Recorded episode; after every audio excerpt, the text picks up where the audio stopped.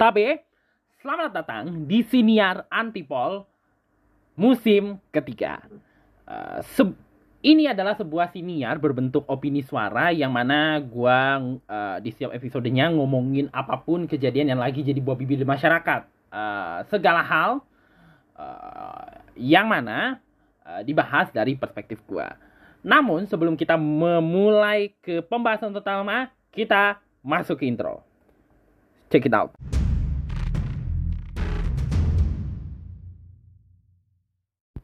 Jadi, kali ini Antipol akan ngomongin sesuatu yang berkaitan dengan perbokepan dunia. Aduh, kenapa gue merasa aneh ya setiap kali mau ngebahas sesuatu yang berkaitan dengan hal-hal yang uh, berbau unsur-unsur yang apa ya istilahnya gue mau menggunakan istilah uh, unsur-unsur 21 plus tuh kayak bingung mau ngebahas apa. Tapi uh, gue sih bahas juga karena ini sesuatu yang jadi bawah bibir juga. Uh, dan kabarnya ada unsur kayak apa sih istilahnya? Ada unsur pemerasan lah terhadap si korbannya. Kita akan ngomongin Rebecca Clover dia ini kalau dilihat dari ini gue lagi buka Instagramnya sih sebenarnya jadi intinya ada sebuah video ada sebuah skandal gitu. Intinya ada skandal terungkap bahwa ada seorang instagramer uh, kayaknya social media influencer uh, dia main film juga. Terusnya main series sih lebih tepatnya. Main film juga terusnya dia uh, sering posting endorser. Ya social media influencer uh, followersnya juga cukup banyak gini ya sekitar 5,5 juta. Ini gue lagi buka Instagramnya uh, postingannya 1123 nah orang ini nah si orang ini diyakini adalah perempuan yang ada dalam uh, video berunsur kita bisa menyebutnya video apa ya kayak kita sebut video skandal aja kali ya. Dia diyakini sebagai wanita yang ada dalam video skandal itu. Yang kononnya ada versi panjangnya tapi lantas kemudian terungkap satu fakta menarik bahwa ternyata ada kemungkinan video ini disebarkan uh, berunsur bermotifkan dendam penyebaran video ini. Terus akhirnya si Rebecca-nya dilaporin. Nah yang ngejebar uh, videonya pun juga sekarang dilaporin juga sama pihaknya Rebecca. Uh, nah, pertama kali gue nge soal kejadiannya kasusnya si Rebecca ini gara-gara gue lupa tapi gue lihat di Instagram. Terus Instagram gue kan ada follow beberapa akun berita ya. Terusnya apa sih istilahnya kayak ada orang pada ngomongin si si ada ngomongin sebuah video panas lah gitu kurang lebihnya. Uh,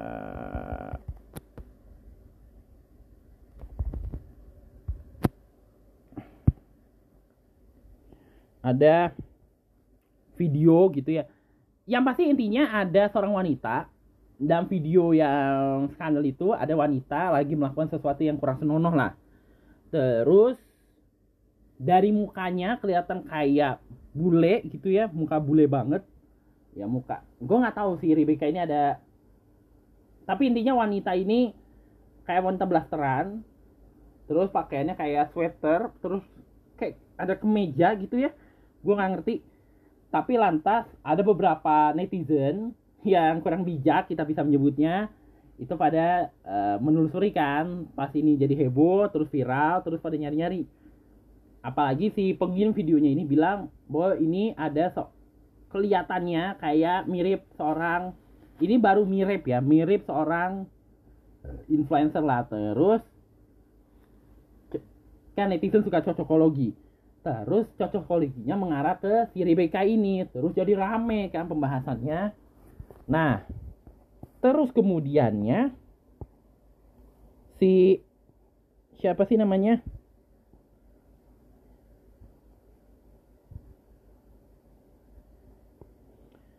Uh, si Rebecca ini akhirnya jadi bulan-bulanan kan. Terusnya dia yang tadi Instagram gue baca itu terus dia sempat ada tutup komentar.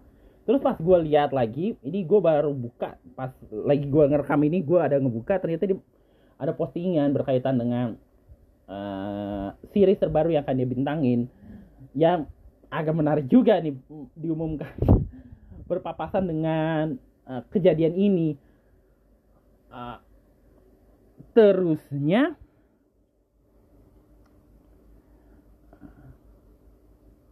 terus akhirnya beberapa orang-orang terdekatnya pada diomong dicarilah oleh eh, teman-teman teman-teman media uh, kekasihnya. Karena kekasihnya ini kebetulan adalah seorang kebetulan sering juga berfoto dengan dia. Terusnya akhirnya dia tujuh pengacara juga. Dan kalau nggak salah dia sudah membuat laporan polisi setahu gue si uh, si Rebecca ini ini gue lagi buka artikel ini gue akan baca sebuah artikel dari detik.com ini kayaknya udah belum lama juga uh, si artikelnya ini berkaitan dengan kasusnya si Nih gue baca aja artikel detik hot biar gak bingung runutannya. Nasib nahas Rebecca Klopper video share disebar hingga diperas 30 juta rupiah. Oke, ini gue bacain artikelnya. Malangnya nasib Rebecca Klopper. Perempuan bernama asli Rebecca Ayu Putri Klopper tersandung kasus sure mirip yang mirip dirinya hingga masuk ke ranah hukum. Sejak dua pekan terakhir, video sure mirip Rebecca beredar di jagat maya. Uh, netizen pun lah menduga bahwa itu sosoknya dan membuat nanya uh, diperbincangkan. Uh, Rebecca sampai sekarang belum membantah mengenai video shoot tersebut, namun langsung mempolisikan pihak yang menyebar luaskannya. Uh, di satu sisi, ex pengacara Rebecca, Ahmad Klopper, muncul dan berbicara mengenai kasus yang terjadi sebelumnya pada uh, Oktober 2022. Itu adalah asal muasal dari penyebar, penyebar luasan video shoot hingga kasus pemerasan yang melibatkan perempuan bernama BK tersebut. Oh, udah sampai ke pemerasan ternyata. Menurut keterangan Ahmad Ramzi, ia mendapatkan kuasa untuk membuat laporan. Sorry ya, gue agak terbata-bata baca ya. Ini gue ulang lagi. Menurut keterangan Ahmad Ramzi, ia mendapatkan kuasa untuk membuat laporan polisi ke Baris Krim Mabes Polri mengenai pemerasan hingga pengancaman. Uh, ungkapnya, pemerasan dan pengancaman yang dialami oleh RK berkaitan dengan kejadian yang terjadi saat ini, yaitu video syur yang beredar. Uh, dari laporan tersebut, ada dua tersangka yang ditetapkan, yaitu RFN dan NR, serta alat bukti berupa video. Pada November 2022, laporan tersebut sudah selesai dengan penyelesaian restoratif justice atau jalur damai. Aneh bener kalau dipikir-pikir. Udah diselesaikan, tapi masih ada, masih bisa disebar juga. Aneh bener. Uh, ini kata dia, kedua tersangka yang meminta restoratif justice disampaikan kepada saya dan RK lalu sepakat melakukan restoratif justice dengan alat bukti itu dimusnahkan. What the hell? Sang artis diketahui sampai mentransfer sekitar eh, 30 juta rupiah kepada kedua tersangka tersebut. Uh... Nah, tersangka ini lanjut lagi, tersangka sempat mendekam di dalam bui selama proses penyelidikan berlangsung. Sayangnya video syur itu kini tersegar, tersebar uh, di Jakarta Maya dan membuat kasus tahun lalu terkuak kembali bulan ini. Tahun lalu pihak kepolisian juga menyebutkan kalau alat bukti berupa video syur sudah dimusnahkan. Para tersangka pun setuju dan tidak akan mengulangi uh, perbuatannya. Aneh bener. Jadi ternyata si video itu diyakini eh, dibuat oleh tersangka. Nah, gue nggak tahu tersangkanya ini ada kedekatankah dengan si Rebecca atau gimana. Terus eh, seperti yang ini gue tulis di si RFN sama si NR ini yang akhirnya diduga melakukan tindakan uh, kemungkinan juga kayaknya melakukan agak susah untuk ngebahas kasus ini. Tapi intinya bahwa video yang tersebar itu kemungkinan adalah video yang digunakan untuk memerasi Rebecca ini. Uh, bahwa ada kemungkinan itu benar bisa jadi mungkin aja gitu ya. Karena kasusnya sudah pernah diselidiki tahun lalu. Ini kata pengacaranya. Tapi pada akhirnya gue nggak tahu apa yang terjadi ini tiba-tiba muncul aja dan akhirnya jadi kehebohan.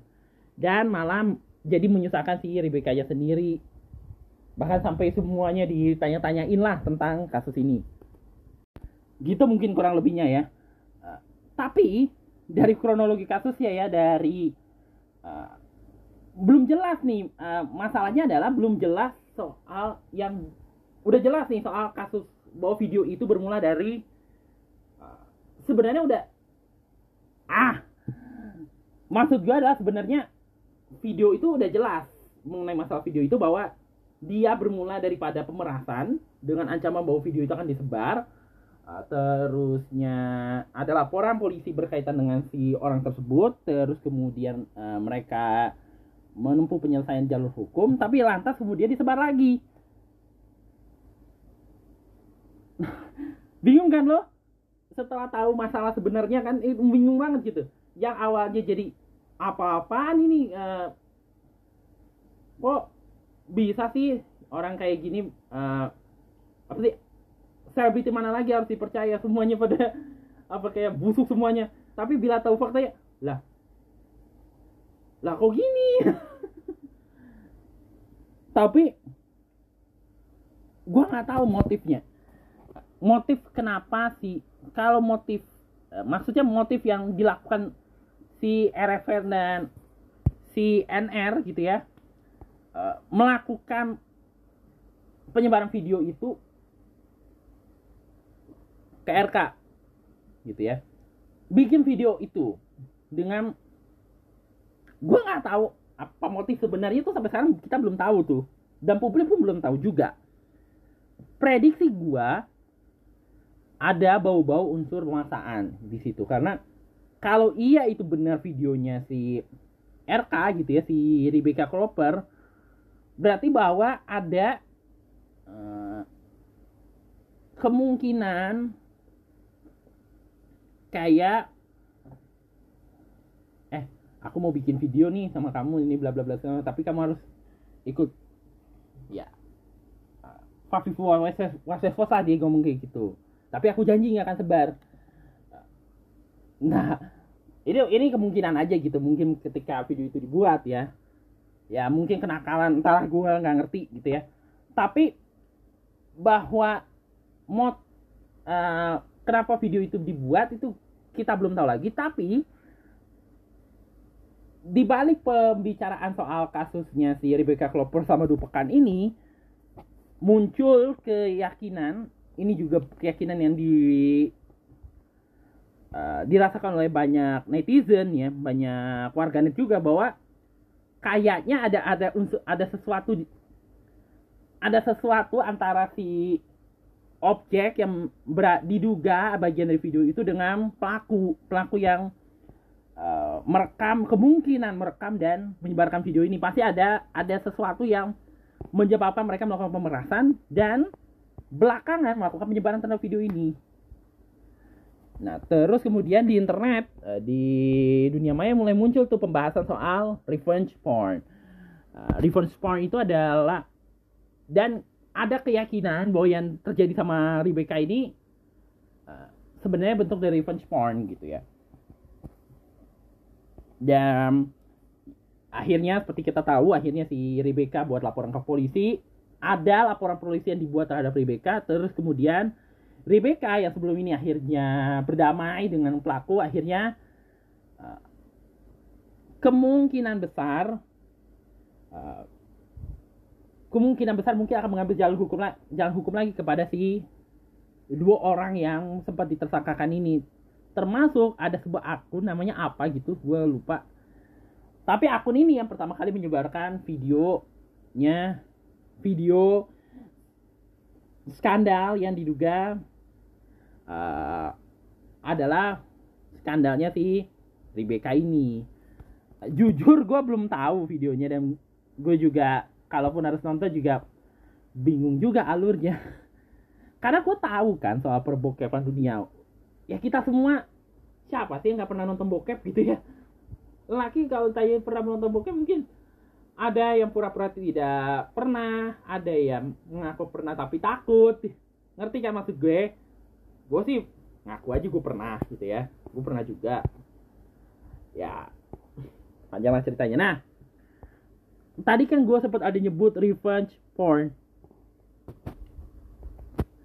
Uh, revenge porn ini ini gue lagi baca sebuah uh, inografis yang dibuat oleh teman-teman siberkreasi. Ini siberkreasi ini adalah sebuah lembaga uh, nih gue baca ya kali ya. Gerakan nasional literasi digital yang mendukung dan menyebarkan konten positif di media sosial.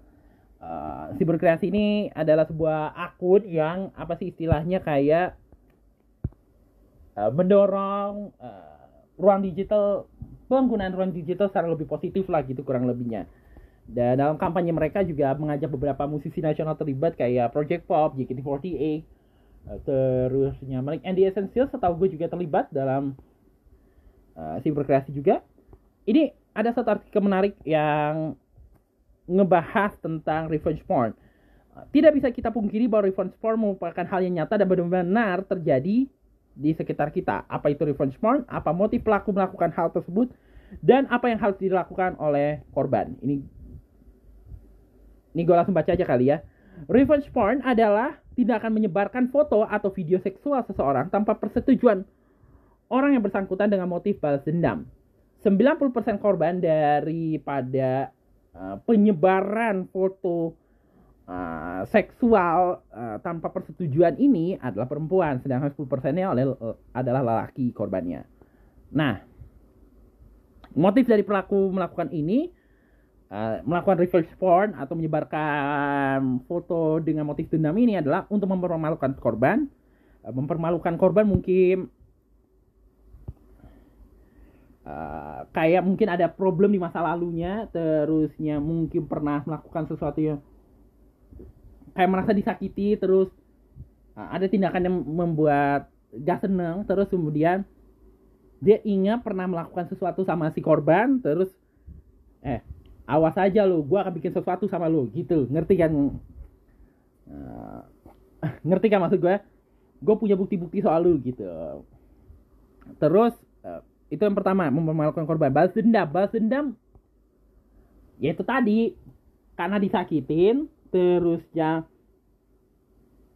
punya konten-konten yang berkaitan dia yang mungkin harusnya tidak disebar dia pakai ancam dia menggunakan foto itu untuk mengancam si korban kayaknya aku pernah bu baca buku yang ber baca novel di sebuah majalah remaja yang sekarang sudah tidak ada tapi gue masih punya koleksinya di di perpustakaan gue yang kayaknya ada nyambung-nyambungan dengan masalah revenge porn juga. Tapi intinya nanti gue cerita di akhir aja kali ya, oke? Terusnya ada pemerasan, ada untuk melukai korban. Gue nggak ngerti uh, melukai korban. Nah ini meminta korban untuk dan tanda kutip balikan. Kan mungkin kita kan dalam hubung kan banyak di antara kita yang uh, menjalin hubungan uh, sebelum menikah ya. Pacaran dan segala macam. Mungkin dalam hubungan-hubungan itu ada uh, saatnya kita uh, kayak udah nggak kuat gitu ya. Nggak bisa menahan hawa nafsu gitu ya nafsu seksual dalam hal ini sehingga terjadi sebuah aktivitas seksual. Terus ya ya mungkin karena kenakalan juga kali ya. Uh, ada yang terekam secara visual atau terpotret secara visual. Dan untuk ngajak balikan mau nggak?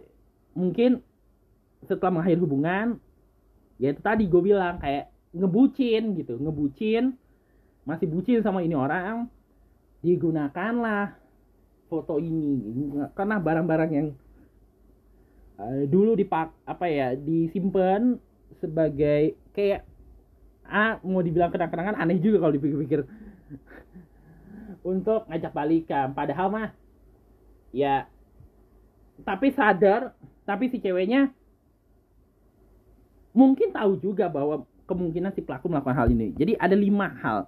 Uh, motif pelaku melakukan revenge porn atau menyebar konten-konten uh, tidak senonoh untuk tujuan dendam mempermalukan tuh korban balas dendam pemerasan melukai korban dan meminta korban untuk balikan dalam hal ini tentang relationship.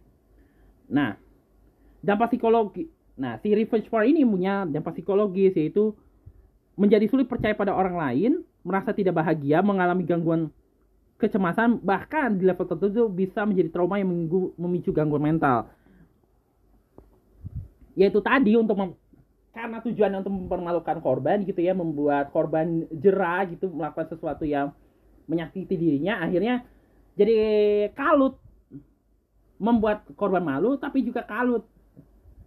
Yang mungkin cuma untuk bikin malu gitu ya untuk ya membalaskan dendamnya tapi efeknya di yang di iniin. Aduh gue mau pakai istilah gacor lagi anjing. Nah, jadi gitu kurang lebih. Ya ini dampak psikologis yang ditimbulkan korban. Terusnya cara menghadapi sebagai korban cerita pada orang terdekat uh, yang kamu percaya. Terusnya cek juga daftar penyedia layanan dan bantuan. Nah ini lu coba nanti cek uh, artikelnya ini. Uh, artikelnya si Revenge Porn kalau mau misalnya lu pernah merasa mungkinnya menjadi korban daripada revenge porn untuk apa sih namanya bisa mengambil tindakan sekiranya mungkin mengalami perlakuan yang tidak menyenangkan secara seksual. Uh, vi, apa sih secara visual gitu ya pelecehan seksual secara visual gitu ngerti ya revenge porn ini dan ada adu bisa mengadukan masalah itu ke Komnas Perempuan ataupun kepada lembaga bantuan hukum. Ya. Dan nah ini menarik nih. Uh,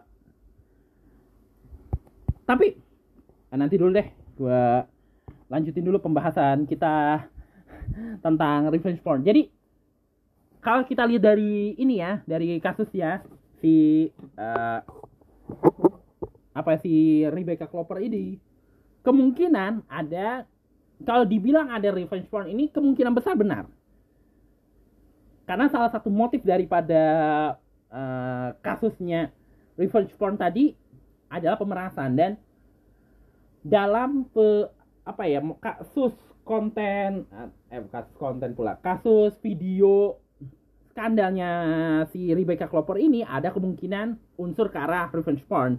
Dan boleh jadi memang sudah memenuhi syarat ke arah situ karena salah satu syarat untuk mod, adanya motif revenge porn itu adalah pemerasan. Dan bukti pemerasannya ternyata udah pernah ada dan udah pernah diselidiki. Tapi si pelakunya minta damai. Nah gue curiga ini prediksi gue ya. Prediksi gue apa sih namanya si apa ya korban merasa kayaknya ada sesuatu terhadap dengan terhadap Rebecca sehingga sanggup melakukan hal yang uh, berpotensi merugikan. Mungkin bisa membuat dendamnya terbalaskan tapi berdampak tidak menyenangkan lah gitu ya kepada si Rebecca pada akhirnya. Uh, dan kita tahu lah gitu ya publik kita kan kadang-kadang ada yang senang gitu ya dikasih yang begituan. Eh, terusnya ada yang ngerasa bahwa ini sesuatu yang tidak pantas apalagi yang kalau yang melakukan itu adalah seorang terpelajar atau seorang yang terhormat ataupun seorang entertainer gitu ya harus memberikan contoh gitu kurang lebihnya.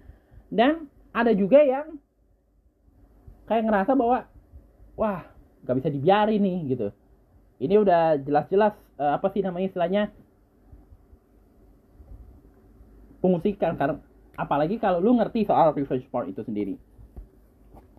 Nah, ngomong-ngomong soal revenge porn, uh, gue teringat sebuah apa sih namanya sebuah cerita. Jadi ceritanya agak mirip juga tuh dengan uh, salah satu ciri revenge porn juga.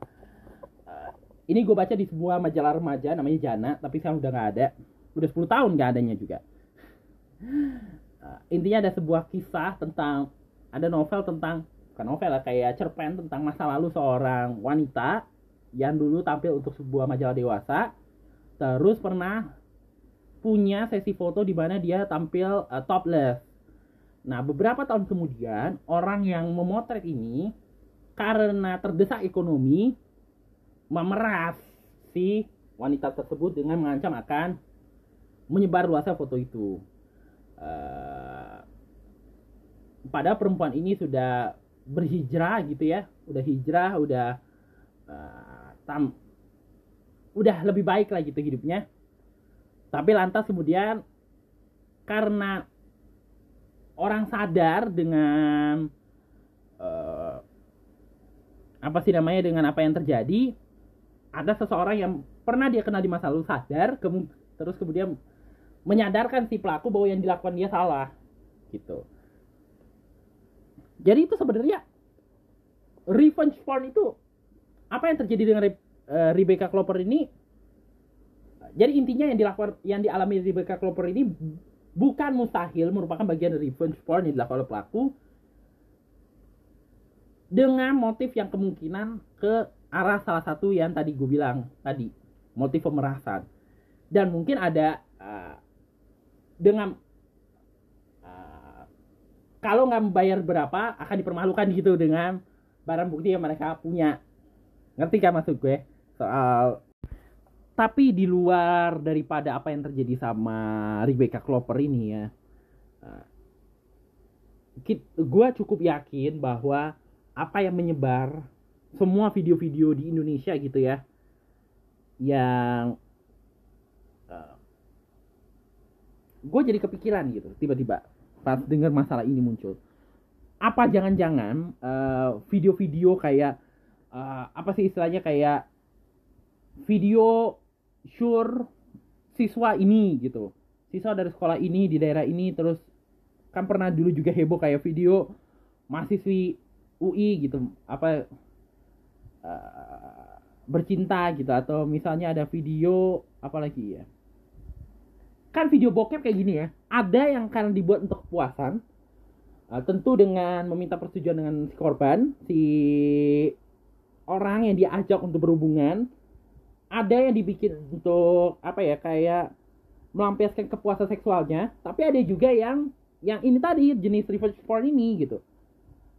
Yang gue khawatirin uh, yang video-video yang uh, Astagfirullahalazim ada ada pegawai negeri melakukan hubungan gitu. Atau misalnya ada uh, wanita diperkosa rame-rame dan segala macamnya itu adalah atau misalnya ada artis atau ada pegawai sebuah bank atau ada guru atau ada mahasiswi yang direkam sedang melakukan sesuatu yang gak senonoh tuh gue khawatirnya banyak juga yang uh, penyebarannya dari video-video yang tadi gue sebut itu ada juga yang bermotifkan dendam dan masuk dalam kategori revenge porn itu tadi gitu. Karena rindu gitu ya misalnya kalau uh, kayak salah satu motif deh gue ngambil contoh yaitu ngajak balikan. Gue pernah nemu sebuah video tapi narasinya gini kurang lebihnya. Nikmatnya mantanku lagi menikmati berhubungan sama aku gitu. Pasti lu juga sering lihat kalau misalnya lu pernah ngunjungin situs bokep gitu ya rasanya bokep juga masih banyak yang bisa dibuka di Indonesia ya.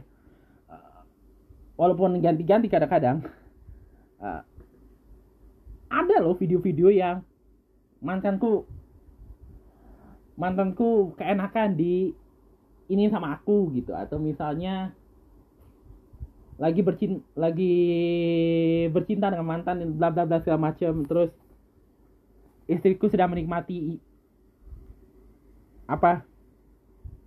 Gimana cara bahasa ya dorongan aku atau misalnya pembantu lagi berhubungan dengan majikan atau segala macam bisa dua kemungkinan. Memang ada dua kemungkinan. Kemungkinan uh, atas direkam atas persetujuan memang dianya mau untuk direkam atau kedua ya dia nggak tahu kalau itu direkam. Atau mungkin uh, direkam tapi cuma untuk dokumentasi pribadi tapi ketika ada sesuatu digunakanlah ini untuk apa ya mensabotase si pihak tersebut. Mungkin karena tidak senang atau sakit hati dan segala macamnya. Maksud gue bahwa uh, apa yang kita lihat di dunia maya bukan mustahil merupakan bagian dari revenge porn. Walaupun mungkin juga ada yang uh, karena emang pengen aja gitu. Ada. Ada yang memang niat untuk bikin konten porno untuk kebutuhan dijual itu ada ada yang apa sih niat bikin konten karena emang seneng aja gitu. Konten-konten yang video shoot itu karena kesenangan itu ada. Tapi ada juga yang sebenarnya nggak pengen tapi karena satu dan lain hal dan karena juga mungkin motif dendam dan sakit hati juga ke sebar hal-hal yang kayak gini. Jadi yang terjadi sama Rebecca Clover juga mungkin terjadi juga dengan orang-orang yang mungkin videonya pernah kesebar di dunia maya. Dan di sisi lain kebanyakan jadi korban itu perempuan karena yaitu tadi bahwa masih banyak di antara kita tuh yang masih menganggap perempuan hanya sebagai objek seksual padahal itu sesuatu yang sangat merendahkan ya sih gitu? Makanya gue sering mikir bahwa walaupun gue juga mungkin sering ter, termasuk orang yang udah tahu tentang perbokepan dan pornografi tentu ya tapi rasanya gue nggak ngelihat kayak gini aja juga tetap ngilu-ngilu juga karena tentu si wanita atau mungkin si pria yang jadi kor uh, jadi yang diajak untuk melakukan hal itu juga sebenarnya nggak pengen itu ada gitu cuma ya itu tadi dunia maya ini akan ada uh, yang memanfaatkannya secara positif dan ada juga memanfaatkannya untuk kepentingan-kepentingan yang merugikan. Uh, karena itu uh, menurut gua masalah Rebecca dan masalah ini juga bukan saya terjadi di sekitar kita dan sebenarnya bisa gak sih kita jangan terlalu apa ya kayak kalau memang cinta gitu ya atau misalnya karena persahabatan gitu jangan sampai ada hal-hal yang membuat salah satu dari kita rugi gitu ya. Dan di sisi lain orang yang pada bikin konten porno untuk tujuan dendam itu juga mestinya tahu bahwa konsekuensi hukum ini ada di kita udah punya undang-undang apa ya informasi transaksi elektronik udah ada undang-undang apa sih namanya pornografi udah ada undang bahkan sekarang kita punya undang-undang TPKS karena bukan mustahil revenge porn yang ada di sekitar kita ini juga merupakan salah satu bentuk dari kekerasan seksual yang dilakukan secara visual. Karena ada kok beberapa uh, konten-konten dibuat atas pemaksaan itu banyak. Dan bukan mustahil ada di sekitar kita. Uh, dan